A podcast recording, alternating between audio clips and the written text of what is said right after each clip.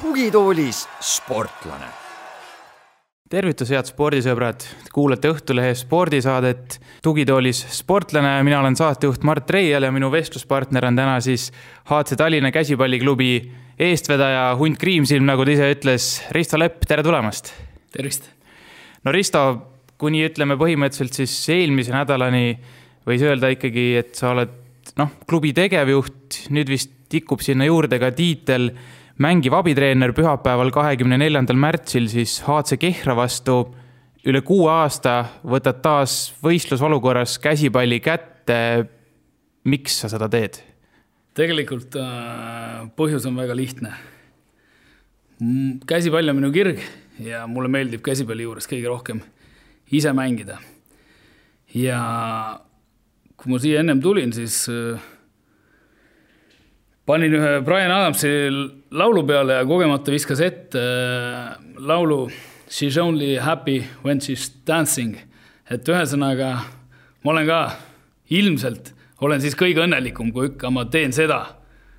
mis mulle kõige rohkem meeldib. aga miks see paus siis äh, nõnda pikaks vajus või venis? kolmekümne aastasena äh, olin ma mängimas profina Luksemburgi liigas ja tekkis äh, väike õlavalu, mis siis äh, füsiode sõnul midagi väga hullu ei olnud, anti põletikuvastaseid tablette ja öeldi, et äh, võid mängida läbi rahul, valu rahulikult edasi. ja ühes mängus Hollandi meistri vastu juhtusid mitu-mitu asja kokku, viskasin, vastane kukkus mulle peale, kukkusime maha ja õlg tuli liigesest välja ja see on äh, käsipallis üks äh, kõige rängemaid vigastusi.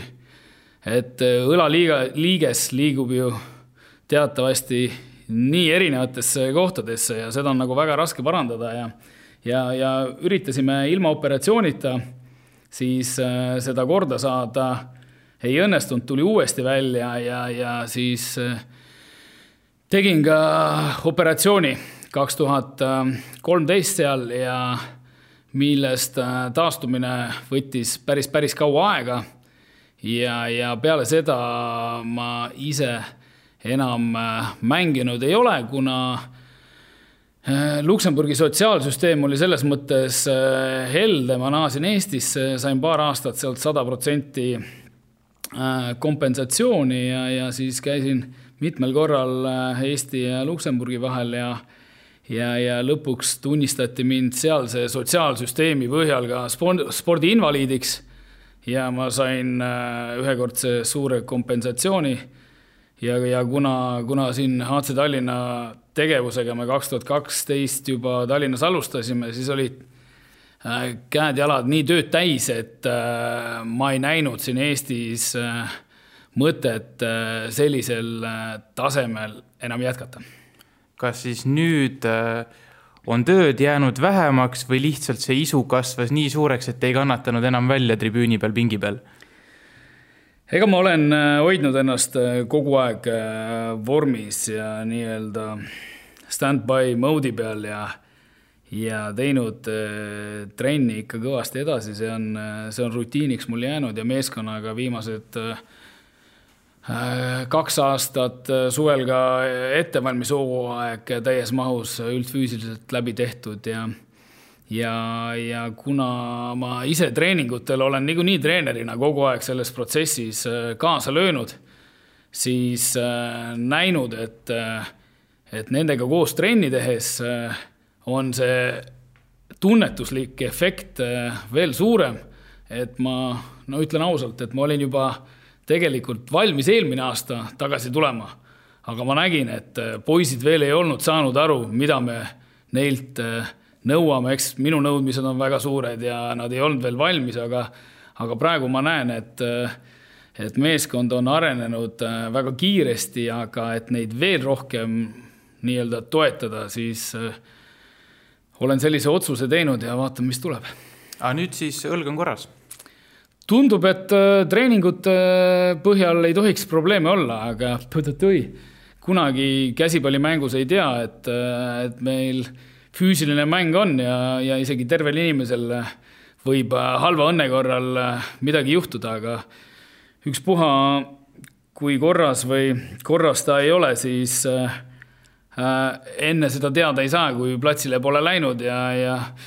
ja võib-olla on äh, peas rohkem kinni, et aga ükspuha, mis juhtub, ma seda otsust kindlasti kahetsema ei jää. kuidas siis on, ise oled ka vana Kehra mees, et äh, on sealtpoolt juba tulnud mingit sellist noh, nöökimist, värinat, on, on nad hirmul Kehra mehed juba? jaa, Kehra klubi on mul äh, endal väga südames, isa mul ju on Kehra klubi asutaja ja ise Kehrast äh, ta ka pärit ja, ja meil äh, suvekodu seal lähedal ja, ja ma aastaid ise Tallinnast äh, Kehrasse trennis olen käinud ja seal ka noortetreener olnud ja, ja ka vist kolm meistritiitlit võitnud ja karikaid ja Balti liigat ja, ja eks see nagu teine koduklubi mul on, aga, aga noh, eks kõik mind teavad, et ega ma, kui midagi teen, ma teen nagu südamega ja ja nad saavad aru, et äh, ilmselt Tallinnas on veidikene suuremad äh, võimalused just tulevikus äh, suurt profiklubi teha ja, ja siiamaani mul on tunne, et, et kõik on nagu selle asja, asja poolt, et meil Eestis käsipallis tugevaid võistkondi rohkem oleks. nagu sa ütlesid, see nii-öelda karjääri lõpp või no ütleme siis esimene lõpp nüüdseks äh, tuli, tuli sunnitud moel tervise tõttu. kas, kas see vahepealne aeg siis nii-öelda mittemängija aeg, kas see oli siis kuidagi, kuidagi nii-öelda natukene kurb aeg, et sa ütlesid, noh, lõppkokkuvõttes tõid seal Brian Adamsi tsitaadi siin, et, et kõige õnnelikum oled ikkagi siis noh, käsipalli mängides ei saa öelda, et äh, kurb äh, oleks, ma pole kunagi kahetseja ja, ja aga tõesti, ma ühegi amatöörvõistkonnaga isegi eh, selle enda klubi HC Tallinna teise meeskonnaga liituda ei tahtnud, nad muidugi iga aasta küsisid ja olid valmis panema mind nimekirja ja võib-olla vahepeal panidki, aga aga ma ikkagi ei läinud ja, ja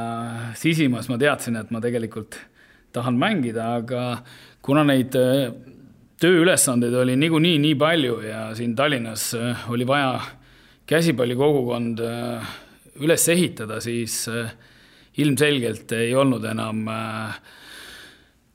sellist äh, ajalist energiat ja, ja ressurssi, et ma õhtuti veel oleks kuskil käsipallitrenni teinud ja siin noh, Eesti või ta Eestis ainus nagu väga tugev kohalik klubi siin Tallinna lähipiirkonnas on Kehra ja ja veel nii palju, et tegelikult aastal kaks tuhat neliteist, kui äh, Kehra viimati võitis äh, meistritiitli. peale seda on äh, Serviti valitsenud, et siis ma olin viimased äh, paar kuud Kehra juures abitreenerina isa aitamas, et see on ka niisugune huvitav fakt. kuivõrd sul siis käed-jalad HC Tallinnaga olid tööd täis, siis vist sinu puhul seda, seda jama ei ole, mis tippsportlastega noh ma ei tea, kuivõrd tihti, aga ikka, ikka vahel juhtub, et üleminek tavaellu on nii-öelda sihuke kuidagi hirmus. ja et äh, kuna ma olen ise hästi ambitsioonikas ja on äh, peale spordiga väga palju muid valdkondi, mis mulle endale huvi pakuvad, siis äh,, siis olin juba profikarjääri äh, nii-öelda ajal teadlik, et, et kui äh, karjäär kunagi lõpeb, siis ma kindlasti hakkan treeneriks. HC äh, Tallinna klubist ma äh, juba rääkisin võib-olla kahekümne viieselt ja ka juba avalikult ja, ja Jüriga olime seda ammu nagu mõelnud, et kui midagi suurt teha, siis tuleb Tallinnas asjad käima saada. ja, ja kehakultuuri teaduskonnast on mul nii-öelda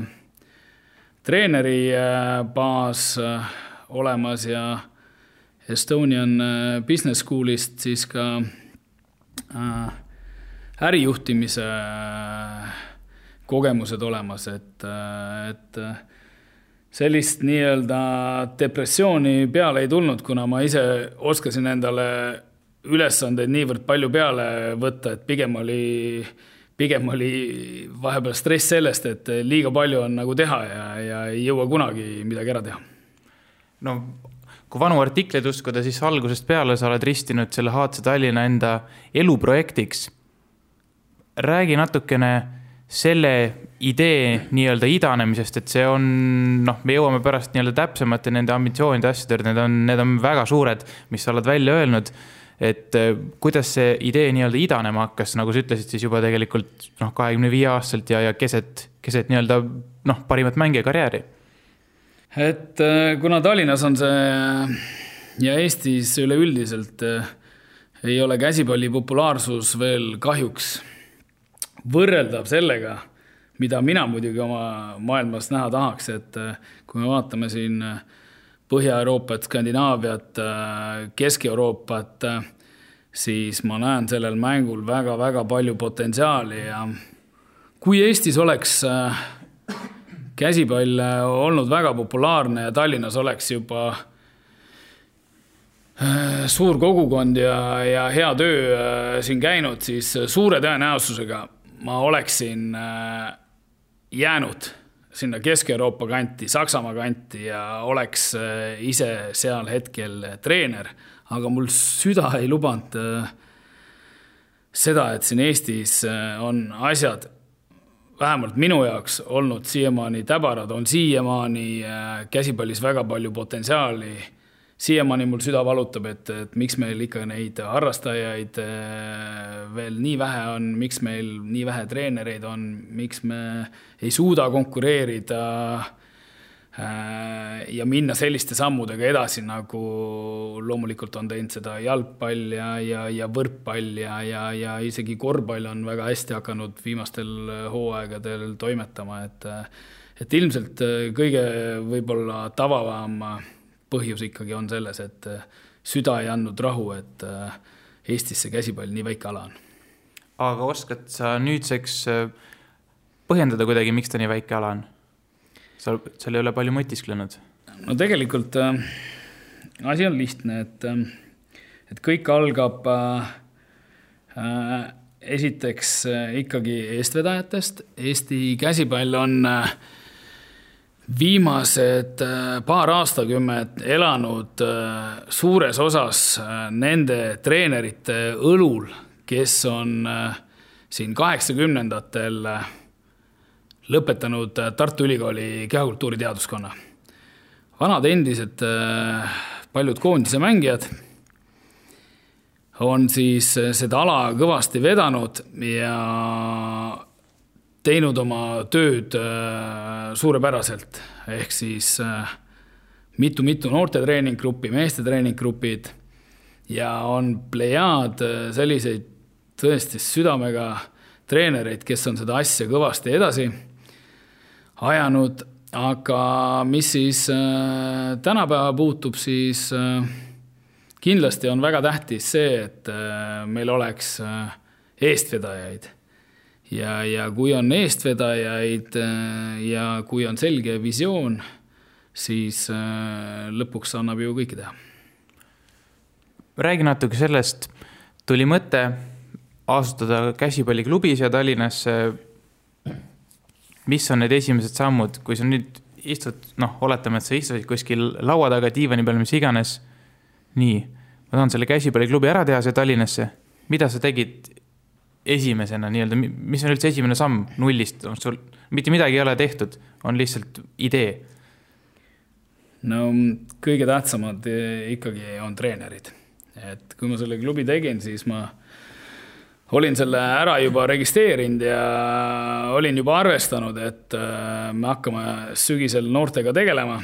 oli äh, paar treenerit, kellega oli õnnestunud kokkulepe juba saada ja, ja siis tuli uudis, et ma ise lähen hoopis välismaale. ja, ja hakkasime niimoodi toimetama ja mõte oli anda täiesti uuele treenerite põlvkonnale ohjad üle. ja mina lähtusin oma klubi filosoofiat üles ehitades ikkagi inimese kasvatamisest ja siis läbi selle positiivsuse siis õpetada nii-öelda läänelike õpetus- ja treeningmudelite järgi noori. et, et sellised olid esimesed sammud. no tänaseks te olete kasvanud, teil on üle viiesaja lapse, kui need andmed peavad paika, mis ma suutsin välja leida internetist. Te olete sellega siis Eesti kõige suurem käsipalliklubi ja kuskilt nägin ka sellist lausekest, et Euroopa viie suurem hulgas, ma ei tea, kas see peab paika? enne kui ma küsimuseni nii-öelda jõuan. jah, et siin äh, Euroopas on äh, Partille Sävehov, mis siis Göteborgi lähistel on, äh, nad on ennast identifitseerinud kui maailma üheks suuremaks käsipalliklubiks ja nüüd, kui ma ei eksi, siis neil oli kas kuus, seitse või kaheksasada last. ehk et liiget, jah. olete kuskil seal top viis nii-öelda ma ei oska öelda, aga, aga mulle tundub, et äh, võib-olla see võib nii tõesti olla, sest teistes äh, riikides on neid äh, klubisid rohkem suurtes linnades. ehk siis see, on see õnnestunud noh, seitsme aastaga nüüd kaks tuhat üheksateist praegu, on see õnnestunud puhtalt selle pealt, et Tallinnas oli siis nii suur käsipallivaakum, et teil oli päris noh, entusiastlikud mehed-naised, oli nii-öelda lihtne tulla siia nii-öelda tühja koha peale? no selles mõttes oli nagu tõesti lihtne, et, äh, et käsipallis äh, Tallinnas tegutseti äh, mõnes üksikus piirkonnas, mul isa HC Tallasega on Lasnamäel kogu aeg teinud, kus ma ise olen üles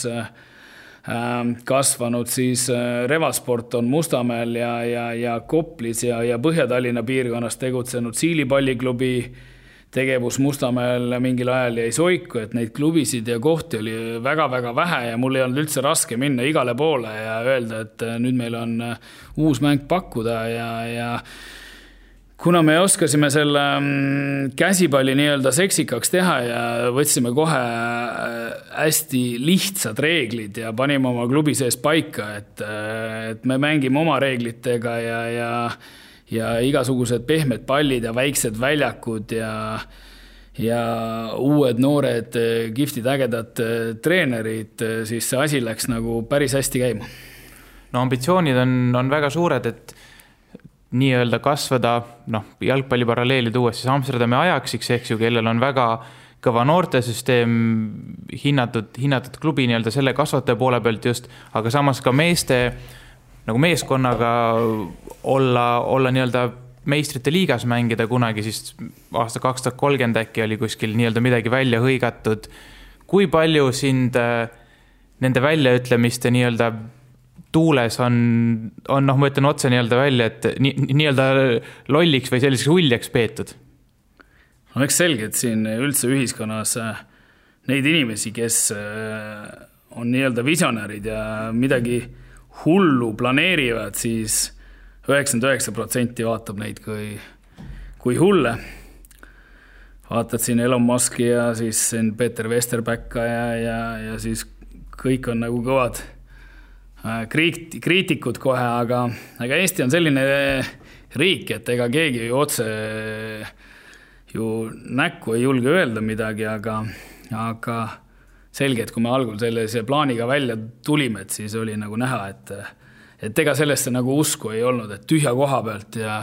ja kuidas me saame, meil ikka ei ole ju treenereid ja, ja meil käsipall ei ole ju nii seksikas olnud ja kuidas me saame ja no mina olen kogu aeg pigem olnud seda meelt, et äh, leidmaks lahendusi, mitte vaatamaks probleeme. ehk et nii-öelda sellisele noh, vingumisele või sellisele kriitikale olid sul nii-öelda kurdid kõrvad? muud, muud motiivist ei saagi. ma ütlen, ega keegi nagu otseselt Eestis ju ei julge tulla sulle otse ütlema, et. samas kostub igalt poolt, kuna ringkond on nii väike. no ringkond on väike, aga, aga ega selge, et, et skepsismi on, on, on olnud ja on tunda ja aga kui me siin vaatame neid samme, mis me oleme teinud, siis siis tegelikult ei ole nagu üldse, üldse halvasti, et nullist niimoodi nagu kasvada ja, ja lõpuks äh, ma ütlen ausalt äh, ära, et tegelikult seda ülesannet äh, ei peaks meie või, või mina tegema, et äh, see peaks üldse olema Eesti Käsipalliliidu ülesanne seda mängu propageerida ja uusi klubisid nii-öelda tekitada ja eestvedajates nii-öelda inspiratsiooni tekitada ja uusi treenereid tekitada, et eh, eks ma seda ambitsioonitundest eh, hetkel eh, olen tegemas. on see tänamatu või tänuväärne töö? jah, ega sind Eestis ju keegi, võib-olla üldse maailmas ka, ega sind keegi nii tänama ju ei tule, et, et mida rohkem on liikmeid, mida rohkem on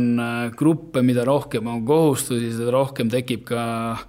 probleeme, et selge, et on väga lihtne tegutseda siin väikse klubina, kus on võib-olla viis gruppi, aga palju raskem on, kui sul on üle kolmekümne ja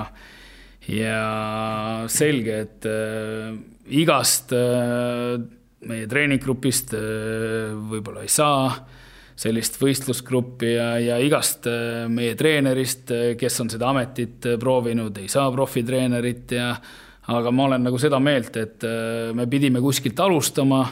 ja, ja tänaseks me oleme nii kaugel, et ei ole häbi seda seisu hetkel tunnistada. No ma ei tea, kui palju sul enne selle klubi asutamist ettekujutust oli, nii-öelda võib-olla isa kõrvalt üht-teist oled, oled näinud, õppinud, aga mis on kõige keerulisem olnud selle uue, uue klubi ehitamise juures nii-öelda nende seitsme aasta jooksul? on see mingisuguse noh, ma ei tea, inimressursi leidmine, on need siis treenerid, lapsed, on see, on see raha leidmine, on see midagi kolmandat? ma kujutan ette, et päris palju on olnud sellist noh, ikkagi ootamatust ja avastamist et see on küll tõsi, et äh, öeldakse äh, ka äris, et äh, kui sa ise tahad areneda inimesena, siis äh, mine otse tulle. ja eks me läksime ise ka samamoodi pea ees igast seinast ja uksest läbi ja, ja tänu selle klubi tööle ma olen ise kohutavalt äh, inimesena arenenud äh,. äh enamik äh, probleemid, mis, mis ette tekivad neid on tegelikult äh, selle kogemuse pealt väga lihtne ära lahendada. Ja, ja ükski probleem praegu pole siiamaani olnud nii suurena, mida pole, pole võimalik lahendada ja, ja eks me inimesi ja treenereid kindlasti algul otsisime väga-väga palju ja, ja tegin noh, väga paljudele inimestele ettepaneku, et kas sa tahaks proovida ja, ja me oleme siia käsipallimängu juurde toonud nelikümmend treenerit, kes läbi meie on litsentsi ära teinud. Aga nendest äh, kõik ei ole enam äh, jätkamas, kuna on äh, kooli kõrvalt või ülikooli kõrvalt on siis tekkinud päevatöö ja, ja kuna on on võib-olla saadud selgeks ka, et ega see treeneri töö ei ole üldse lihtne, siis on ka, on ka loobujaid olnud, aga ma olen ülimalt tänulik kõikidele nendele inimestele, kes siin meie projekti juures on olnud ja aga no lõpuks saab ikka järjest selgemaks see, et üldse ühiskond ja, ja riik peaks ikkagi treeneri ametit palju rohkem väärtustama, propageerima, et spordis ka midagi maailmas ära teha. ehk et nagu on noh, ennegi välja öeldud, see peaks olema võrdne õpetajaametiga näiteks nii ma..., nii, nii nõudmistelt kui ka siis nii-öelda noh, prestiižilt, töötasult ja kõigelt. ma olen nõus, et äh, Eestis äh, treeneritööd professionaalina tegevaid inimesi on ikka äärmiselt vähe ja need on enamasti fanaatikud. et äh, kindlasti võiks ta olla õpetaja äh, töö ja, ja koormuse ja tasuga võrdsustatud, aga teiseks, mis äh, võib-olla on jäänud nagu paljudele märkamata, et on väga palju kultuuritegelasi, muusikategelasi, kes on ka riigi palgal äh, lisaks siis õpetajatele. et äh, treeneritele võib olla Eestis ikkagi kõige nagu mõistlikum saada omavalitsuste juurde spordikoolidesse palgale professionaalse treenerina hetkel ma ise muid lahendusi väga ei näe, aga seda, et üks äh, nüüd tavaline klubi suudaks äh, pidada profitreenerit, see on nagu väga-väga raske. aga sina ise saad HC Tallinnast nii-öelda palka või sa pead ka midagi lisaks tegema? mina ise olen äh, oma finantseeringuid ja, ja aega ja ressursse HC Tallinnasse äh, pigem ise pannud, äh, kui ma sealt olen tagasi saanud, et et nagu ma ütlesin, siis mul siin vigastus tekkis riigis nimega Luksemburg, siis mul pole rahaprobleeme olnud ja ja pigem olen tahtnud aidata seda süsteemi üles ehitada ja pole liiga palju pidanud äh, mõtlema selle peale, et äh, aga selge, et see süsteem praegu toimib niimoodi, et äh, klubi saab hakkama. no nüüd sa oled siin, ma arvan, kuulajates juba korduvalt huvi tekitanud selle Luksemburgi nii-öelda süsteemiga, et kui ulmelistest summadest me räägime siis, viiekohaline, kuuekohaline? ei, ma ei hakka seda hetkel siin avalikustama. okei okay., sinu maailmas elu ilma käsipallita, kas on võimalik? Mäletan, äh, ma olin äh, kümneaastasena isaga saunas ja meil, meil maakohas ja siis äh, juba seal ma mõtlesin. isa rääkis, et kui teed korralikult trenni ja, ja mängid, siis saad üks päev koondisse, siis saad Saksa klubisse ja siis siis oled treener ja, ja siis eks need kõik klubi asjad, see oli minu jaoks juba noorena väga selge, et et ega kooli ajal ma väga palju võib-olla õpetajatele näisin, et ma kuulasin, aga ma mõtlesin juba kooli ajal käsipallist, et ega ma veits teistsugune olen ja, ja võib-olla sellepärast äh, mul eelis teiste ees ongi, et mul on see liiga suur passion, et mind ei ole küll keegi kunagi nagu surunud, ei isa et, et nüüd mine trenni, ma olen ise seda teht-, teha tahtnud ja mõnes mõttes on see hea, mõnes mõttes võib-olla on halb, et, et on üks tee, aga, aga ma näen, et seal mängu juures on nii palju asju, mida on võimalik teha ja mida, mida ma siis ikkagi kõige suurema kirega elus teen. no mis unistused seal koolipingis siis Risto peas olid? no nooremana ma olin nagu täitsa kindel, et, äh, et mingi artikkel on ka, kui ma olin seitseteist, et ma kindlasti tahan äh, saada Saksamaa Bundesligasse mängima ja ma ütlen ausalt, oma peas ma mõtlesin, et kui ma sinna ei saa, et siis kurat, elu on nii igav, et et teed siin mingit tavalist tööd ja, ja, ja tuled õhtul koju ja ma tahtsin ikka ekstreemi, et ma tahtsin äh, ise mängida ja, ja väga tippu jõuda no sa oled öelnud ka välja siukse lause, et see vist oligi tegelikult hiljutises pressiteates äkki, et profisportlase elu on üks lahedamaid üldse, mida saab elada. ole hea, laienda seda mõtet. Ja et, et seoses sellega ma siin viimasel ajal olen lugenud, et äh, osad endised profisportlased äh, on ikka öelnud, et ma oleks pidanud neli aastat varem ära lõpetama ja, ja et oi, et see profisport, äh, see oli nii kahjulik ja ja et äh, tegelikult oleks pidanud hakkama juba õppima ja tööle minema, et äh, noh, oleneb inimesest, et, äh, et kuidas sa seda profisporti võtad, et mis sa selle vahepealse ajaga teed, et, et kui ma Eestis isegi mängisin siin ülikooli kõrvalt, siis mina lugesin ikkagi ennast nagu profisportlaseks, see oli minu jaoks kõige tähtsam. vahet ei ole, kas ma sel hetkel sain raha või ei saanud raha, kui palju ma sain sellel ei omanud mingit tähtsust, aga, aga mindsetilt äh, mina olin ikkagi profisportlane, see oli minu jaoks kõige tähtsam. Ja ma olen seda kogu aeg äh, nautinud, äh, isegi siis, kui ma olen üksi välismaal mänginud. Ja lõpuks ongi, mida sa selle ajaga teinud, teed, et, et mul elus ei ole endal kunagi igav olnud ja isegi välismaal olles äh, igasugused raamatud ja, ja internet on ju valla, et saab ennast täiendada ja ja minul nagu seda probleemi ei, ei olnud, et, et nüüd äh, ma näen, et ma mandun ära ja olen ainult äh, sportlasrežiimis, et äh, söön, lähen trenni, magan ja, ja raiskan oma elu, et mul kui keegi võib öelda, et ei ole võimalik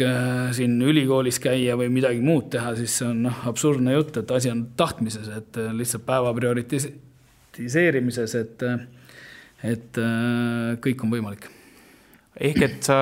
oled nii-öelda lähtunud sihukesest põhimõttest, et sport on väga tähtis, aga sport ei tohi elu üle võtta, umbes midagi sellist? jah, et äh, ega iga inimene tegelikult võiks ju äh, teha seda, mis talle meeldib. minul on spordi sees kogu aeg noorena alates äh, meeldinud olla ja, ja noh, muidu mul oli muidugi lihtsam ka, et ma tean, et et ma oma tulevikku seon spordiga ja kindlasti treeneritööga, siis kõik see oli äärmiselt põnev õppida igalt poolt, igast äh,, igalt treenerilt ja igast klubist ja ja, ja mis võib-olla profisportlasena välismaal elades ja välisklubides mängides on need kogemused, mida kuskilt mujalt ei saa, et, et ma ise noorena käisin poisteklassis, sotsiaalne suhtlus oli põhimõtteliselt oma sugulaste ja oma poisteklassi vahel. ei julgenud me enne üheksandat klassi tüdrukutele teregi öelda, rääkimata rääkimisest. Olin äh, tavaline tagasihoidlik eestlane, ülikoolis tekkis avardumine, peale seda olin pool aastat Taanis veel äh, ülikoolis, mängisin seal kohalikus käsipalliklubis ja ja peale seda need aastad äh, Hispaanias, Saksas, Luksemburgis on nii palju avardanud just silmaringi, et et näinud, kuidas elu mujal toimub ja julgust andnud ja ja lisaks sellele on, äh, võin ma öelda, et ma saan äh, hakkama viies-kuues keeles, et, äh, et, et see on ka ju selline väärtus, et mida siin Eestis olles ju naljalt külge ei jää. no ma lugesin siin ka enne, kui ma nii-öelda valmistusin erinevaid vanu artikleid ja tundus, et eriti siuksed lõbusad asjad jäid kõrva Hispaania ajast, et küll seal lubati, kas vastased, noh, ma nüüd ei tea, hakkamegi siin seda asja nii-öelda üle arutama ja kinnitama, aga et küll lubati, et kas oli mingit kotitäiteviisi apelsine, vastasmeeskond kinkis, siis seal mingid oma mehed trennis äh, nutsid äh, huvitavat hispaania keele õpingut kuskil äh, mingite mammide köögis. et ühesõnaga seiklusi justkui seal Hispaanias vähemalt oli päris, päris lõbusaid. ja, et seal ikkagi see kultuuriruum oli täitsa teistsugune võrreldes siin põhjamaise Eestiga ja, ja veidikene ikkagi äh, oli mulle paras nagu üllatus, et inimesed nii emotsionaalsed on ja, ja ma mäletan väga hästi esimest päeva, kui ma sinna läksin, siis äh, õhtul üheteist ajal äh, tänaval hakkas mingi mürgel pihta ja ma vaatasin, et seal on mingi kaklus, et aga tuli välja, et kolm vanainimest omavahel rääkisid ja ja emotsionaalsusest veel nii palju, et äh, üks mees tuli trenni ja nuttis ladinal ja ütles, et ei saa trenni teha ja siis ma küsisin, et miks sa ei saa, et äh, noh, tüdruksõbraga oli jama, et äh, oli, oli see mm, nii-öelda tüli, et võib-olla lähme lahku ja et et igasuguseid toredaid eh, seiku tuli seal ette ja, ja, ja muidugi seal eh, Hispaanias eh, oli probleeme ka finantsiga, et et majanduskriis räsis seda riiki korralikult ja siis ühest klubist jäi pool aastat palka õhku ja jäigi saamata praegu Õnneks äh, me tegutsesime, Maarjus Lepp mängis ka samas klubis ja võtsime seal kohaliku äh, advokaadi ja,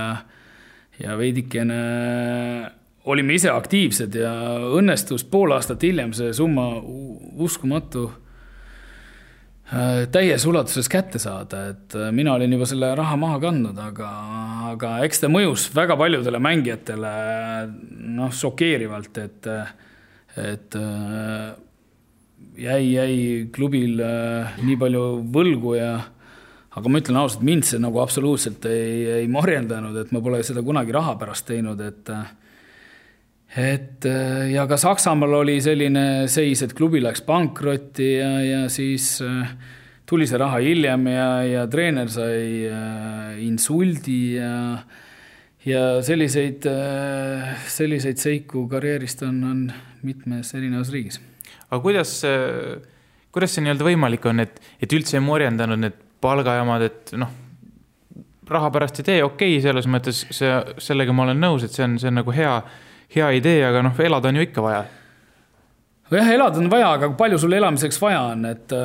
et lõpuks sul on ju korter seal klubi poolt olemas, lõpuks sul on vaja ainult süüa osta, et et kui siin pool aastat on vaja süüa osta, no võta kellegi eest laenu, et eks ma sel hetkel äh, ilmselt kellegi eest laenu võtsin või, või elasin säästudest, et seda ma täpselt ei mäleta, aga aga noh, mina nagu ei ole nagu seda meelt, et hakata nüüd hädaldama, et nüüd on vaja arveid maksta ja, ja, ja noh, et alati on kuskil mingi lahendus olemas et nakatas, võib öelda isegi see Hispaania selline noh, sihuke chill kultuur nii-öelda, et seal on ka päike paistab ja muret olla. ja no lõpuks, kui sa hakkad seal mõtlema, et äh, sul on kõik halvasti, aga, aga tegelikult äh, ju selline võimalus teha, mis sulle meeldib, et äh, anna ainult tuld aga need apelsinikotid, mis värk nendega oli? seal oli ühe klubi, ühe klubi sponsor oli lihtsalt äh, äh, suur apelsini nii-öelda kasvandus või istandus või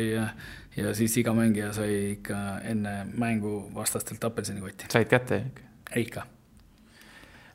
veel oli mingeid huvitavaid asju, ma lugesin, et Saksamaal mingi treener teil laulis bussis karooket, sihuke seik on ka olnud? ja, et ikka no eestlastega on, on lugu, nagu nad on, et me oleme ju siin läbi aegade, läbi sajandite võõrvallutajate poolt täiesti nagu üle käidud ja ja, ja me ju oleme kõige vähem nagu usklik rahvas maailmas ja, ja ega me ei usalda kedagi ja me oleme hästi tagasihoidlikud ja alalhoidlikud ja ega me ei julge oma emotsioone välja näidata ja, ja siis noh, ma toon võrdluseks, et ükspuha, kus kohas ma olen olnud, siis kui panna eestlased äh, söögilaua taha või panna kedagi muud, siis noh, seal on äh, kaks erinevat maailma, et eestlased lihtsalt istuvad ja võib-olla natukene räägivad juttu ka, et aga aga igal pool mujal käib siis ikkagi täielik äh, rääkimine ja kätega vehkimine ja ikka emotsioonide näitamine ja ja see bussiseik karaokes, et ikka kui välismängult äh, sai tagasi tuldud ja, ja siis kõikidel on lõbus tuju ja siis äh, lubati mõni õllegi ja, ja siis äh, on see täitsa tavaline, et treener bussis hakkab äh, karauket ka laulma. kui glamuurne või vähe glamuurne käsipallurielu oli siis sinu puhul, ütleme Hispaanias, Saksamaal ja Luksemburgis? no mina kahjuks äh, täielikku tippu ei jõudnud, et ma mängisin Saksamaa teises Bundesligas ja, ja siis Hispaania teises liigas, et äh, et Saksa liiga on tei maailmas ähm, seni olnud ähm, äh, kõige tugevam, hetkel võr-, võistleb siis äh, Prantsuse liigaga. aga esimese kategooria tähed on äh, kindlasti väga prominentsed kujud ja, ja käsipall on just Saksas on suhteliselt nagu väikeste linnade nagu pallimänguala ja, ja ja seal ikka tuntakse neid hästi ja siin maailma parimad käsipallurid eh, teenivad sinna miljoni euro kanti hooajal, et, et eh, ilmselt see võrdlus kannatab eh, võrkpallureid välja, et korvpallurite ja muidugi jalgpallurite prominentsuseni ja palganumbriteni ei küündi. kus riigis kõige mõnusam elu oli? noh, mis iganes, kõik, kõik kokku panna nii-öelda vaata, tegelikult äh, mulle on olnud täiesti ükstaspuha, kus ma olen äh, mänginud, et ma mäletan hästi, siin üks Eesti võrkpallur mängis Siberis ja, või kuskil Venemaal ja ütles, et ta tahaks kiiresti tagasi tulla, et raamatud juba hakkavad otsa saama ja midagi muud nagu teha eriti ei ole. siis mul on nagu täiesti ükspuha olnud, peaasi, et on saal ja peaasi, et on võistkond ja, ja, ja saab trenni teha, aga loomulikult äh, eks ta lõpus pikas plaanis nagu mõjutab, et et mis seal muud teha ka on, aga, aga loomulikult Hispaania oli selline koht, kus äh, oli võimalik äh, alati käia nii-öelda turistina ringi ja, ja soe ja päike ja Pidassoa Irun, äh, kus ma mängisin, siis oli San Sebastiani lähedal ja Baskimaa ja see oli nagu ääretult huvitav ja, ja mere ääres ja, ja et, et see oli küll nagu väga kihvt koht. viimasel ajal on doping populaarne teema, on see käsipallis ka üldse kuidagi mingit pidi teema, on see, on sellel üldse mingit mõtet seal? no ma lugesin, et see saksa professor või doktor või, või dopinguboss, kuidas teda nimetada, tema kliendid on olnud ka käsipallurid. Viimasel ajal ma pole sellest enam midagi kuulnud. aga tegelikult sportmängudes on ju kõige tähtsam asi otsuste tegemine. ja otsuste tegemist sa ei saa ühegi ainega, sul on vaja kogemust, sul on vaja praktikat, sul on vaja õiget treenimismeetodit, on olemas muidugi igasugused kognitiivsed äh, videomängud ka, mida on võimalik, äh, võimalik siis mängida, oma aju treenida ja ja lõpuks äh, noh, ma toon selle näite, et miks see otsuste tegemine sportmängudes on kõige tähtsam, on siis see, et lõpuks, kui sa autoga oskad sõita kahekümnega see on normaalne, aga sportmängudes need kiirused on läinud nii suureks, et sa pead oskama teha neid õigeid otsuseid ka kahesajaga Saksa kiirteel sõites, et et tegelikult asja võti on seal ja ükspuha, kui suure või steroidides täis äh, äh, nii-öelda pumbatud inimese me võime teha ja kui tugeva või kiire, siis äh, lõpuks sellest ei olene mitte midagi, kui tal endal seda äh, tehnikat ei ole, kui tal ei ole äh, otsuste tegemist, et äh, see annab väga vähe kaasa, aga, aga loomulikult tänapäeva mängud on läinud nii intensiivseks, et äh, lõpuks on väga tähtis see puhkus ja, ja, ja taastumine. aga noh, samas on olemas ka ju mingisuguseid noh, ajustimulante nii-öelda, mis aitavadki seda kognitiivset poolt noh, on jah, et see kognitiivne pool on kindlasti nagu äh, spordi äh,, tippspordi äh,, ma mõtlen just äh, tippspordi all seda Ameerika profiliigade sporti, seal on juba väga tõsiselt kasutusele võetud, et äh, see on järgmine samm milles ma näen väga palju potentsiaali ja see ongi võib-olla nagu järgmine nii-öelda lubatud nagu doping, et, et kui ma siin vaatan käsipalli või teisi alasid, siis vahe, vahepeal on kurb vaadata, et mehed teevad platsil niivõrd nagu äh, valesid otsuseid, et kui me võtame käsipallis, on Andy Schmidt, kes, kes võib-olla teeb üheksakümmend protsenti väljakul olevatest otsuseid õigeid, siis järgmine vend võib-olla Bundesliga-st teeb seitsmekümneprotsendilisest, aga seal on nii suur vahe, et et just teha õigeid otsuseid seal kiiruse pealt ja väsimuse pealt ja ja väljaku nägemist omavaid inimesi on ikkagi pallimängu spordis veel niivõrd vähe, et et minugi äh, üks unistusi on, mille peale ma olen mõelnud, et äh, võtta kõik need sportlased äh, kokku ja minna ajas tagasi ja olla kaheteistaastane hoovisportlane ja mängida seal Juhan Greifi ja Jari Litmase ja Jordani ja Wayne Gretzky ja ja Tom Brady'ga mingit hoovisporti, et kes kõik väljakut näevad, et nendega oleks nagu lausa lust mängida. et sinna paned veel Saavi juurde ja, ja mõned teised, et et äh, aga noh, nii palju on selliseid, kes on lihtsalt nagu atleedid ja, ja teevad oma ära, aga noh, ma näen selles väljaku nägemises ja otsuste tegemises nii palju potentsiaali no sa nimetasid siin väga palju erinevate alade selliseid staare, legende, saan aru, et siis oled päris nii-öelda laia silmavaatega spordiväljal, et jälgid, jälgid paljusid pallimänge? ja eks ma noorena ise ka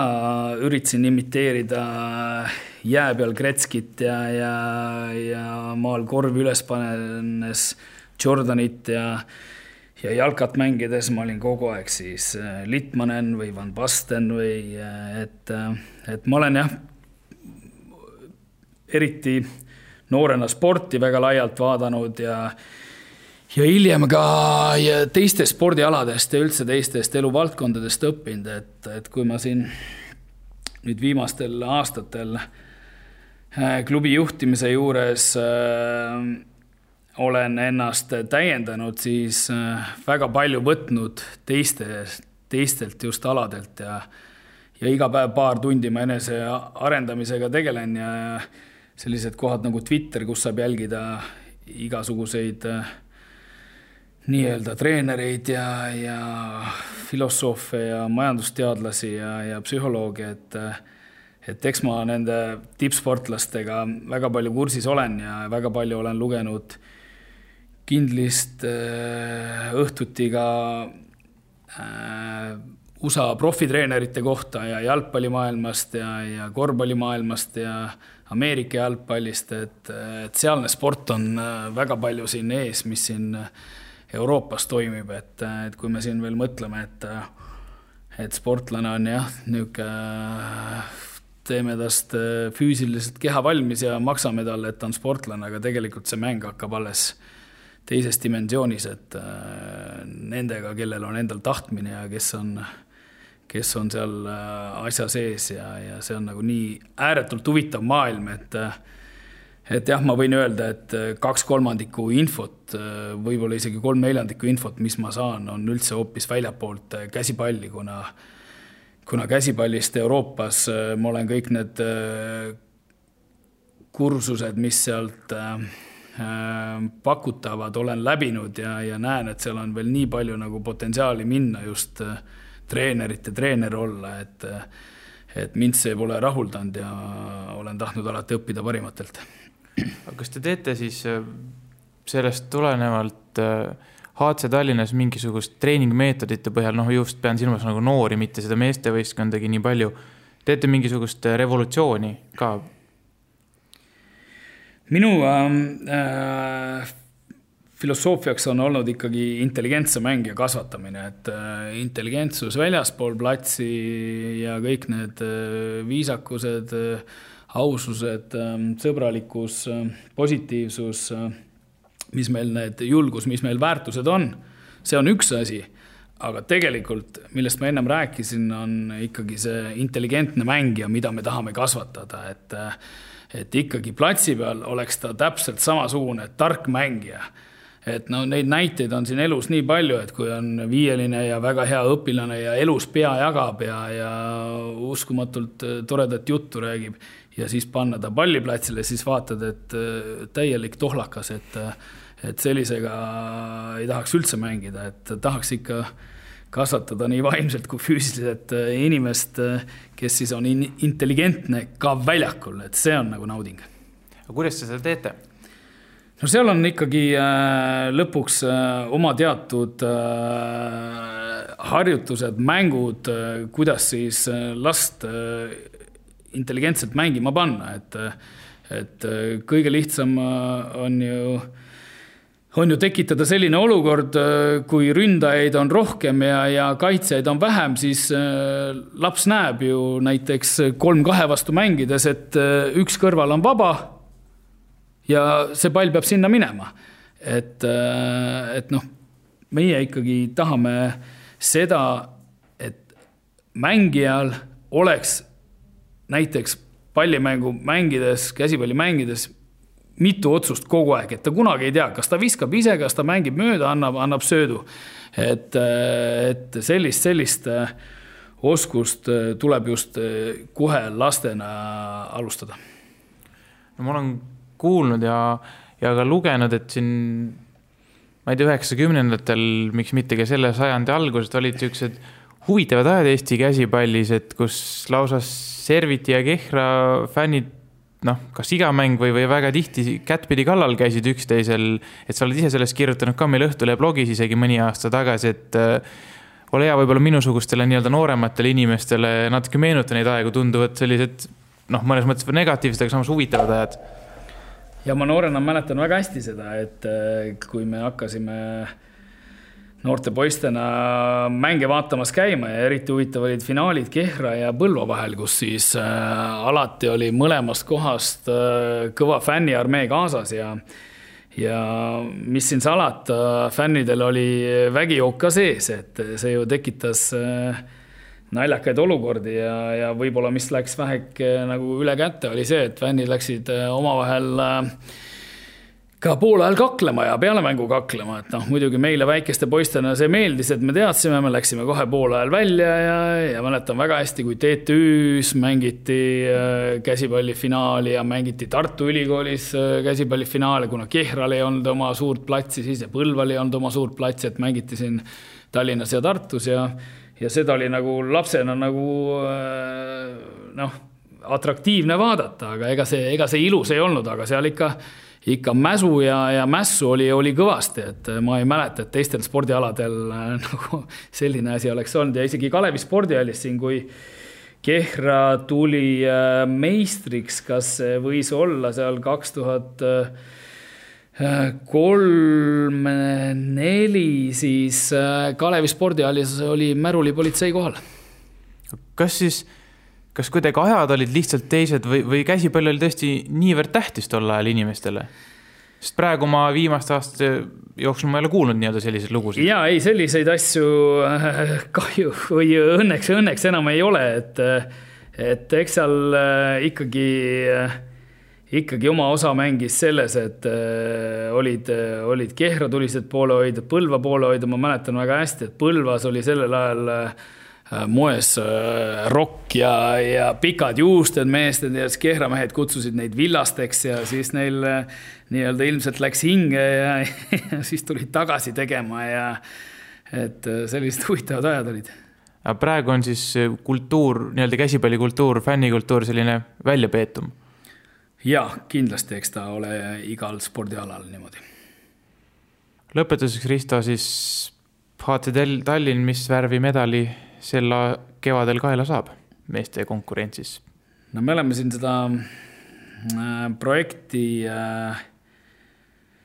alustanud kaks tuhat seitseteist, kaheksateist ja praegu siis teine hooaeg jookseb ja, ja me oleme välja öelnud, et äh, kolmanda hooaja lõpuks ehk siis järgmise hooaja lõpuks äh, mina ei imestaks, kui, äh, kui me võiksime kulla kaela saada ja, ja Balti liigas jõuda Final Fouri ja eurosarjas natukene edeneda, et mina olen pigem nagu alati vaadanud seda, et kõige tähtsam ikkagi on see, et me teeksime oma tööd pidevalt areneksime ja, ja küll need tulemused äh, siis lõpuks näitavad seda tööd, et kellelegi midagi ette või kaela ära riputama, seda ei saa. spordis võistkonnaalas sa kunagi ei tea, mis võib juhtuda, mõni mees võib äh, ennast nikastada, mõni võib haigeks jääda, mida iganes juhtub, et et väga raske on, on niimoodi prognoose teha, aga loomulikult mehed on siin see hooaeg karastunud ja kõvasti sammu edasi teinud ja mis näitas see detsembrikuine finaal, et heal päeval ka üllatama, et me ei olnud üldse soosikud, et et vaatame, mis saab, siin Põllo Serviti on äh, ennast äh, täiendanud siis väga kogenud äh, Tšesloviga, kes tuli tagasi Peterburist eelmine aasta neil oli täielik staarmängija ta, see aasta pool aastat siis oli, oli Peterburis, siis on kaks äh, mängijat tulnud Coopist äh, neile veel appi duubelmeeskonnast ja ja Kehra on tegemas väga head hooaega ja Janar Mägi on naasnud siin äh, teisest Bundesliga-st ja ja Kehral on mitu võõrlegionäri ja, ja ma ei hakka midagi, midagi lubama, et kui ma vanasti olin selline, et et ma ütlesin välja, et äh, Kehra siin võidab äh, kõik tiitlid, siis, äh, siis nii läkski, me võitsime, et kui ma praegu siin midagi lubama hakkan, siis eks ma olen võib-olla vanemaks saanud ka ja targemaks saanud, aga aga noh, ega selge, et ega, ega ma niisama poleks ise tagasi mängijana tulnud, et kui ma ei tunnetaks, et meil on võimalust, aga aga see on, see on võimalus ja see on spekulatsioon no selge, jätame siis otsad lahti, suur tänu, Risto, tulemast, jõudu pühapäeval nii-öelda esimeses mängus Kehra vastu ja, ja loomulikult sealt edasi järgnevates mängudes ja tegemistes samuti. aitäh oh.!